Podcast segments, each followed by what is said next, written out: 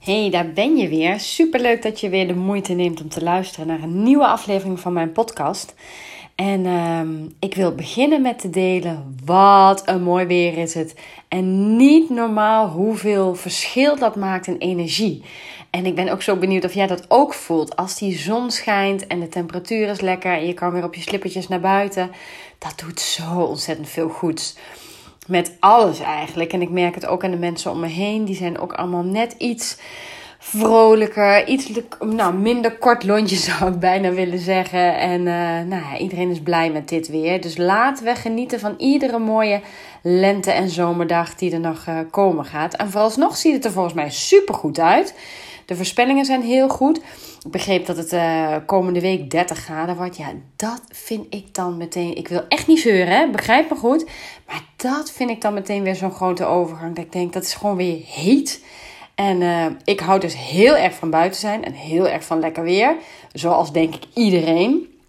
Maar 30 graden ben ik niet zo'n hele goeie voor.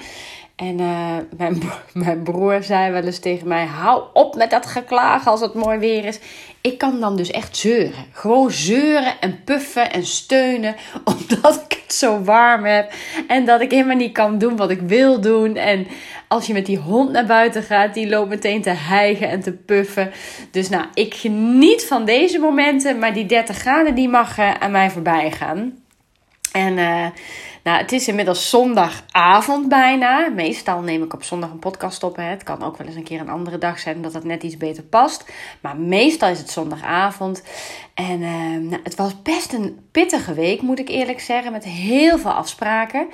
Um, en dat voelt, want heel veel mensen, laat ik het een beetje breder trekken. Heel veel mensen vragen mij: God, hoe bevalt het ondernemerschapje nu? En, en uh, nou, kom je er een beetje in? Heb je een beetje klanten?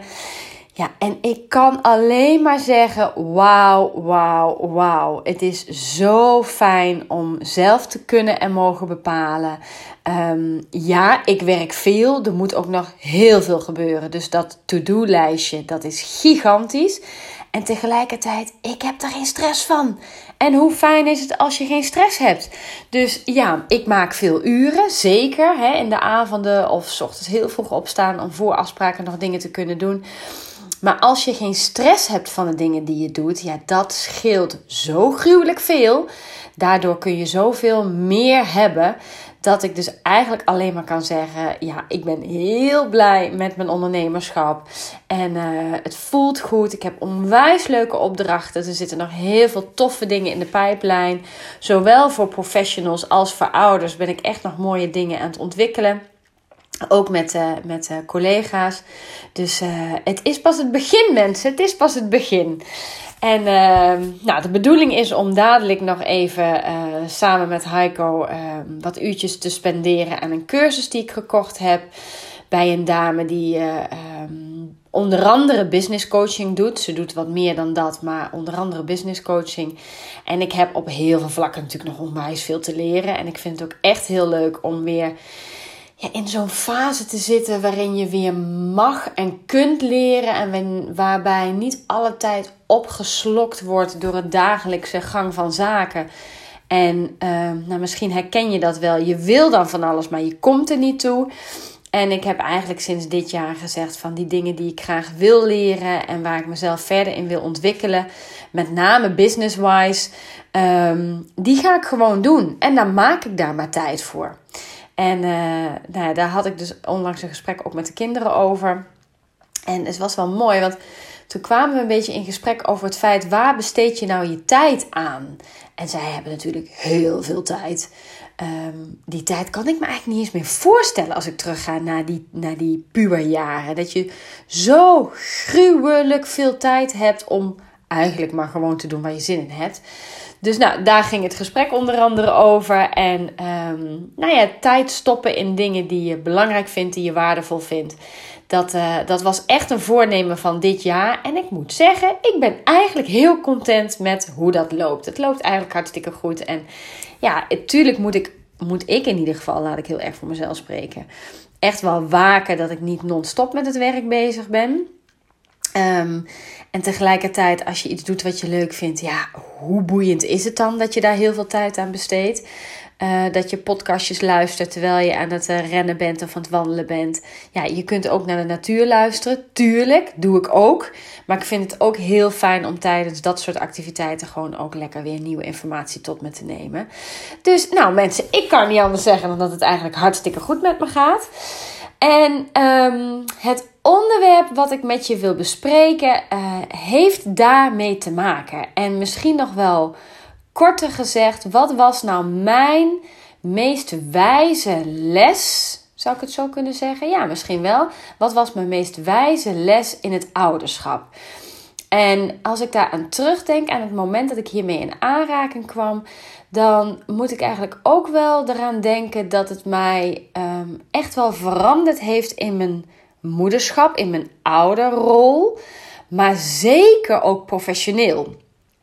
Omdat het je een andere mindset geeft, denk ik dat dat een belangrijke is. Of je bent je bewuster van dingen. En um, het heeft mij super veel opgeleverd. Echt tot op de dag van vandaag pas ik het toe. Soms wel meerdere keren per dag.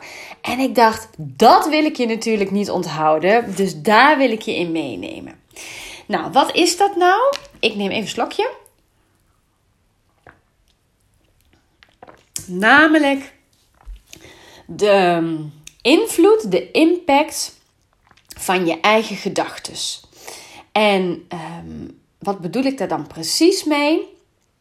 Ik was altijd in de veronderstelling, en misschien jij ook wel, dat um, op het moment dat jij een gevoel hebt, dat dat gevoel er is en dat je daarna allerlei gedachten hebt die dat gevoel wel of niet versterken, wel of niet verergeren, et cetera. En um, uiteindelijk ben ik, nou ja, via een, een, een um, ja, hoe zeg ik dat? Een, een, ja, niet echt een collega, maar wel iemand met wie, wie ik samenwerkte, die um, vertelde mij over die invloed van je gedachten en dat het dus eigenlijk niet eerst je emotie is die een rol speelt, maar juist je gedachten. En ik ga je even stap voor stap meenemen in hoe dat nou in elkaar zit. Want um, nou, ik wil je misschien wel uitnodigen om eens te denken aan een situatie waar jij uh, nou, niet per se heel blij van werd. En welke emotie je dan wel hebt, dat mag je zelf natuurlijk invullen. Maar stel, er gebeurt iets. Er is een gebeurtenis. Nou, de, de, de, het voorbeeld wat ik vaak geef in, in, um, in mijn trainingen onder andere ook, is de volgende. Nou, de gebeurtenis is, ik heb een dag gewerkt en ik heb misschien wel de hele dag cursus gegeven. Um, ik heb in de auto gezeten daarvoor en ik kom uiteindelijk aan het einde van de dag toch enigszins vermoeid thuis. En um, ik zie dat hier schoenen liggen, tassen liggen, jassen niet op haakjes hangen. Dat uh, nou, de moeite niet is genomen om te stofzuigen. Kortom, het is een redelijke bende. Nou, misschien herken je deze situatie wel. Dat is een feit, hè? dat is een gebeurtenis, die, daar word je mee geconfronteerd.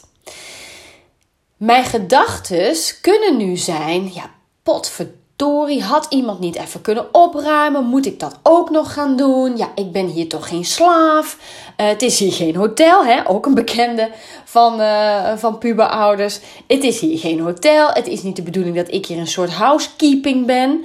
Uh, allerlei gedachten die ik heb over die situatie. En met name um, nou, zijn dat natuurlijk vervelende gedachten, want de situatie is niet oké. Die gedachten hebben vervolgens invloed op mijn gevoel. ik voel me misschien wel boos of geïrriteerd, gefrustreerd. Misschien ben ik ook wel teleurgesteld over dat ze nou niet een beetje moeite kunnen doen, dat we hier toch met z'n allen wonen. Um, allemaal emoties die daarbij komen kijken. En vervolgens um, ga ik na die gedachten en die gevoelens, ga ik me op een bepaalde manier gedragen. Nou, ik kan uh, heel eerlijk met je zijn. Ik kan een ontzettende heks zijn. Ik kan echt een fake zijn. Als het me te veel is, dan is het me te veel en dan kan ik helemaal uit mijn stekker gaan. Nou, je kunt je voorstellen, de situatie die ik net schetste, dat het gedrag wat daarmee gemoeid gaat, is dat ik inderdaad uh, misschien naar boven roep of misschien zeg: hey, wat is dit nou hier? Kom lekker thuiskomen zo. Nou, lekker dat iedereen hier zo'n rotzooi achter zijn kont aan laat slingeren. Moet ik nou serieus ook nog na deze dag alles op gaan ruimen van jullie zooi? Nou, een hoop gemopper, een hoop getier.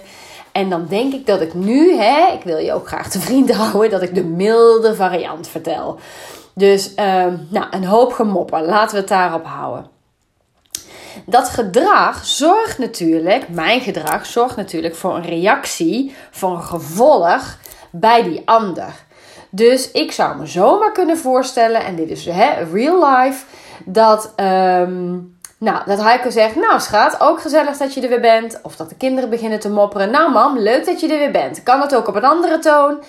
Dus die reageren weer op mijn gedrag. Met als gevolg hè, dat er dus een soort uh, negatieve interactie staat over het feit dat ik daar loop te mopperen en te tieren, uh, omdat er niet is opgeruimd. Die situatie, daar heb ik natuurlijk niet meteen heel veel invloed op. Hè? Dus dat thuiskomen en die rotzooi aantreffen, daar heb ik niet meteen heel veel invloed op. Waar ik wel invloed op heb, is zijn, um, of is de, um, de gedachten die ik erover heb. Dus ik kan hè, die gedachten die ik net benoemde, hè, ik ben toch geen slaaf, het is hier geen hotel, moet ik nou ook nog hun rotzooi opruimen? Hadden ze niet een beetje rekening kunnen houden met? Nou, bla bla bla. Die gedachten die gaan mij niet verder helpen. Dat blijkt wel.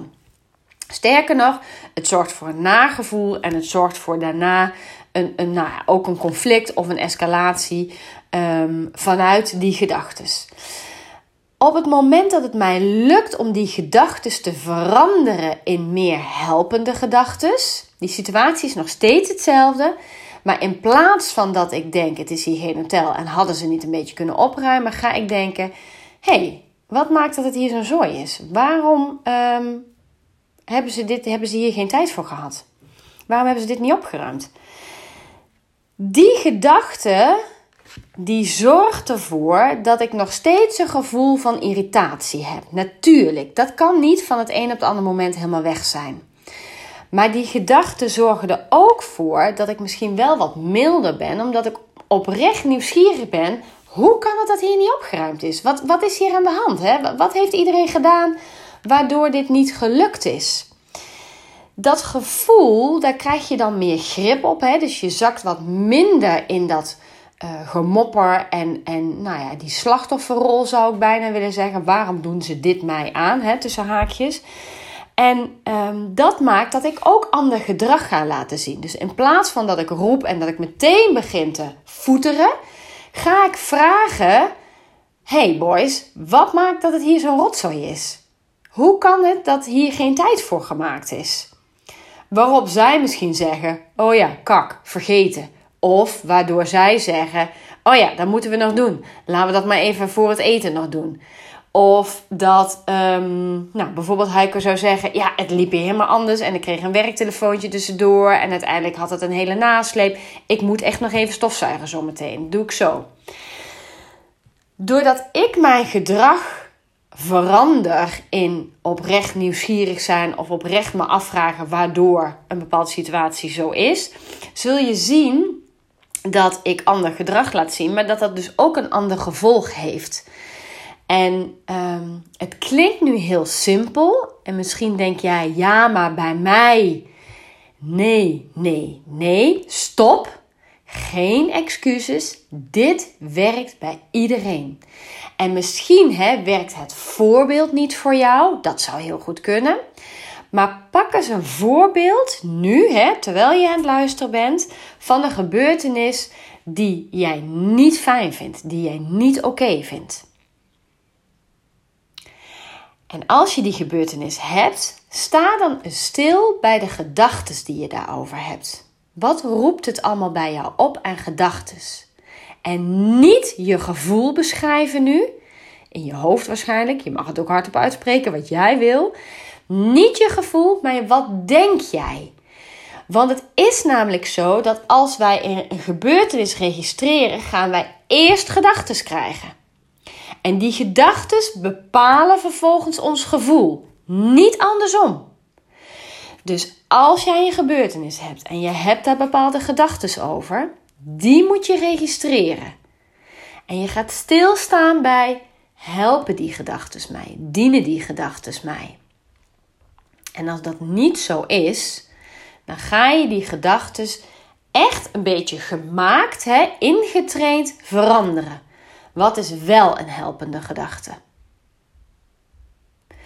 En als dat gelukt is, dan zul je namelijk gaan ervaren, en dat moet je echt gaan oefenen de komende tijd, is op het moment dat jij grip krijgt op die gedachten, zul je ook andere gevoelens daarmee krijgen. En een ander mooi voorbeeld is bijvoorbeeld, hè, dat uh, kan ik me ook nog echt wel herinneren van toen de kinderen klein waren, is dat er dan de zoveelste beker limonade omgaat, of het zoveelste bordje valt, of um, nou, de zoveelste keer is er weer iets dat je denkt, oh, dan moet ik hier ook weer wat mee. Die gebeurtenis gebeurt, hè, dus laten we die beker die voor de zoveelste keer omknikkert even als voorbeeld nemen. En jij denkt dan, Oh, daar gaan we weer. He, ruzie tussen kinderen. Oh, daar gaan we weer. Die gedachte zorgt voor een bepaald gevoel bij jou. En meestal zijn dat gevoelens van irritatie, frustratie, boosheid, onmacht. Um, nou, noem maar op, niet helpende gevoelens. En ik wil niet zeggen dat ze er niet mogen zijn, maar ze gaan je op dat moment niet verder helpen. Op het moment hè, dat dat zoveelste bekertje omvalt, of dat er voor de zoveelste keer strijd is tussen broer en zus, en dat jij denkt, daar gaan we weer, dan ga je die emotie, of die gedachte, sorry, die ga je registreren. Je gaat beseffen, dit gaat me niet helpen. En je gaat er een meer helpende gedachte voor in de plaats zetten. Nou, in mijn geval uh, helpt het mij door um, bijvoorbeeld dan te denken: dit is dus te moeilijk. Ik moet die beker daar niet meer neerzetten, want die gaat keer op keer om. Of dat samenspelen is nog te ingewikkeld zonder mijn hulp. Ik moet, ik moet dat niet verwachten. Dat kunnen ze op dit moment nog niet. Nou, die gedachten die maken echt dat jouw gevoel milder wordt. Nogmaals, het wil niet zeggen dat jouw irritatie helemaal weg is, maar je gaat minder boos zijn, minder geïrriteerd zijn. En vanuit dat gevoel ga jij reageren, ga jij bepaald gedrag laten zien. En in plaats van dat je zegt, ja, potverdorie is nou alweer die beker omgevallen, of kan het nou nooit eens normaal, en laat elkaar eens met rust, en schijn nou eens uit, en moet ik nou alweer waarschuwen. Dat zijn allemaal reacties die jou echt geen zak verder helpen. En jouw kinderen ook niet.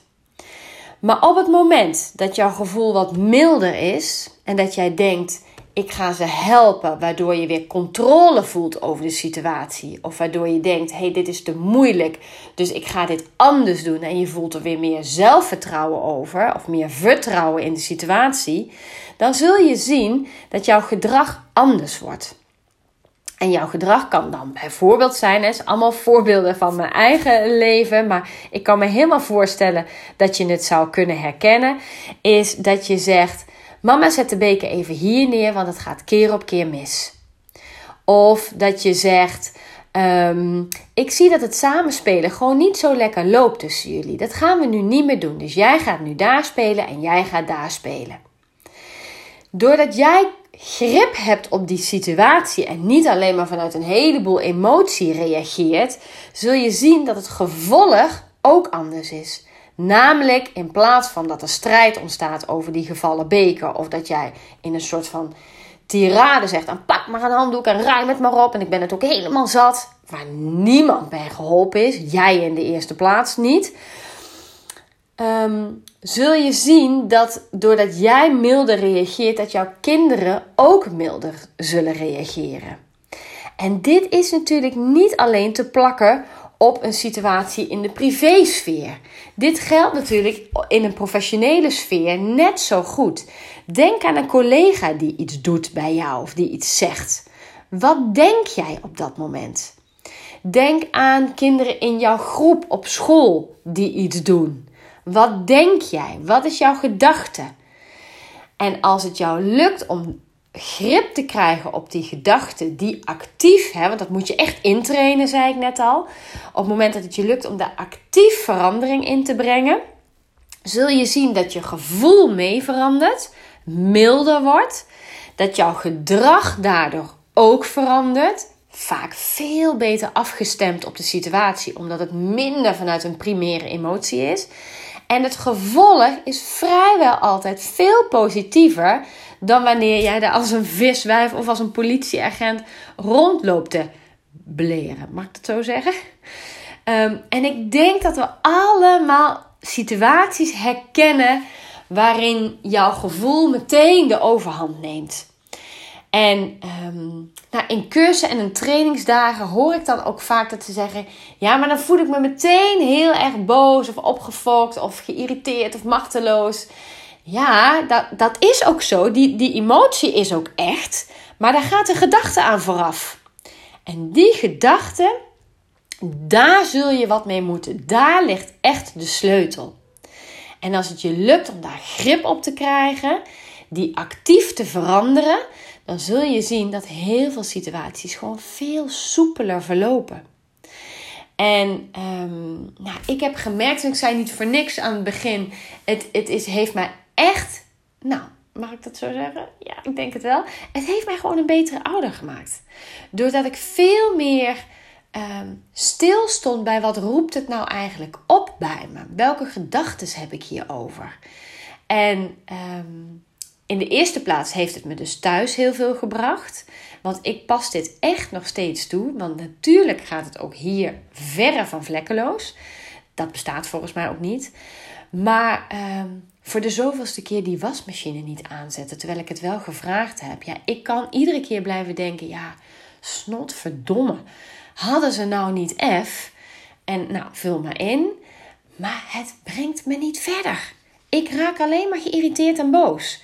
Terwijl als ik oprecht denk, hè, en dat vraagt oefening, als ik oprecht denk, um, hoe kan ik er nou voor zorgen dat ik erachter kom wat maakt dat iedere keer die wasmachine vergeten wordt, dan wordt het makkelijker van. Dan hoef ik namelijk niet zo in die emotie te zakken en het gevoel te hebben Ehm, dat de wereld tegen mij is. En dan heb ik het nu even over in uh, huishoudelijke klusjes. Hè? Ik denk dat we dat gevoel allemaal wel herkennen. Dat je denkt, ben ik nou echt hier de enige die verantwoordelijkheid neemt voor dit hele huishouden? Nee, jij voelt het alleen zo omdat jij daar bepaalde gedachten over hebt. En nou, dat brengt me eigenlijk meteen op, op het laatste puntje wat ik voor deze podcast in ieder geval even wil aantippen is die verantwoordelijkheid nemen, um, kom ik zelf nu eigenlijk ook steeds meer achter. Dus ik zit ook nog midden in dat leerproces. Terwijl ja, ik enerzijds ook wel denk dat ik daar best al stappen in genomen heb. Maar goed, je bent nooit te oud om daar nog verder in te groeien. Um, neem verantwoordelijkheid voor hoe het gaat binnen je gezin.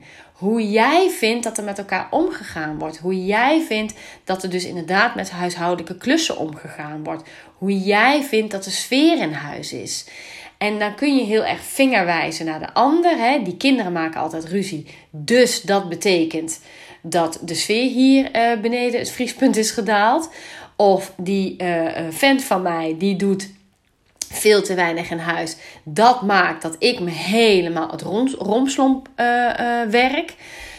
Um, dat is een gekke uitspraak trouwens. Dat ik, me, ik wilde zeggen het schompus, maar dat kwam uit romslomp. Nee, dat klopt niet. Dat ik me het schompus werk, dat wilde ik dus zeggen. Maar dat geldt natuurlijk in je werk ook. Jij kunt heel erg balen van wat de collega doet, maar neem je eigen verantwoordelijkheid. Blijf niet hangen in die emotie van ja, maar zij maakt haar werk niet goed. Of zij doet dit niet goed. Of hij zorgt voor die sfeer. En wat kun jij doen? Hoe kun jij op een dusdanige manier gaan denken, waardoor jouw gevoel verandert, hè, waardoor het jou veel meer gaat helpen in die situatie. Dat maakt dat jouw gedrag mee verandert en dat heeft een ander gevolg. Echt waar. Je moet me echt een beetje gaan vertrouwen in deze. Want ik weet als ik live met mensen hierover spar, dan kunnen we heel erg op maat dingen uh, uitwerken. Hè? Dus in oudergesprekken, maar ook in uh, de cursussen, de workshops die ik aan professionals geef, is dit altijd een stukje die terugkomt. Uh, omdat ik het echt van zo groot belang vind dat jij weet hoeveel invloed jouw gedachten dus hebben op een hele situatie, al dan niet goed laten verlopen, dat het eeuwig zonde is als je dat niet onder de knie krijgt. En ik wil je dus echt op het hart drukken. Ehm, en ik gun je enorm om hiermee te gaan stoeien.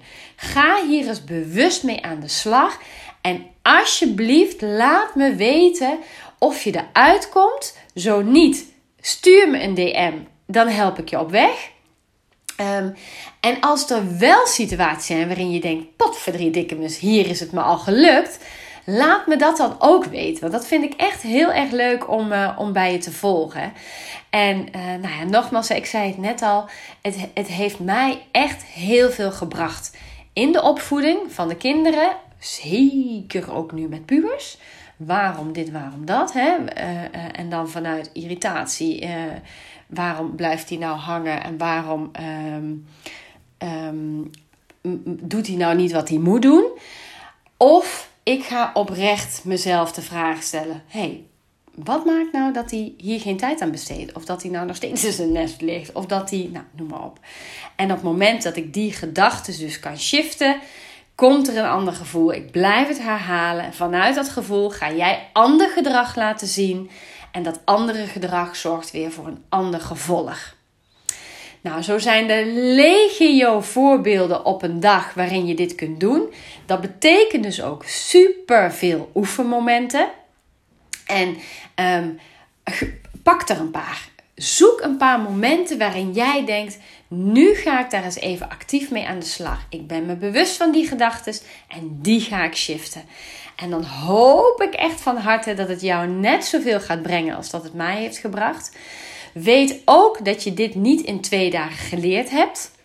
Um, en dat het zelfs iets is wat je voortdurend moet onderhouden, voortdurend bewust van moet zijn. En dat er ook genoeg momenten zijn waarop het niet lukt.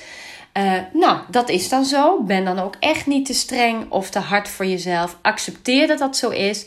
Maar al die momenten dat het al wel lukt en dat je merkt dat het dus een positief effect heeft op de sfeer in de groep, op het contact met de kinderen, op de sfeer thuis, op hoe je die dingen met elkaar doen, die moet je even registreren in je hoofd. En dan zul je merken dat dit dus echt, echt goud waard is. En daar wil ik hem dan ook mee afsluiten. Ik wens jou alle goeds. Oefen, oefen, oefen. Laat me weten hoe het gegaan is. En dan spreek ik je heel snel weer. Tot gauw!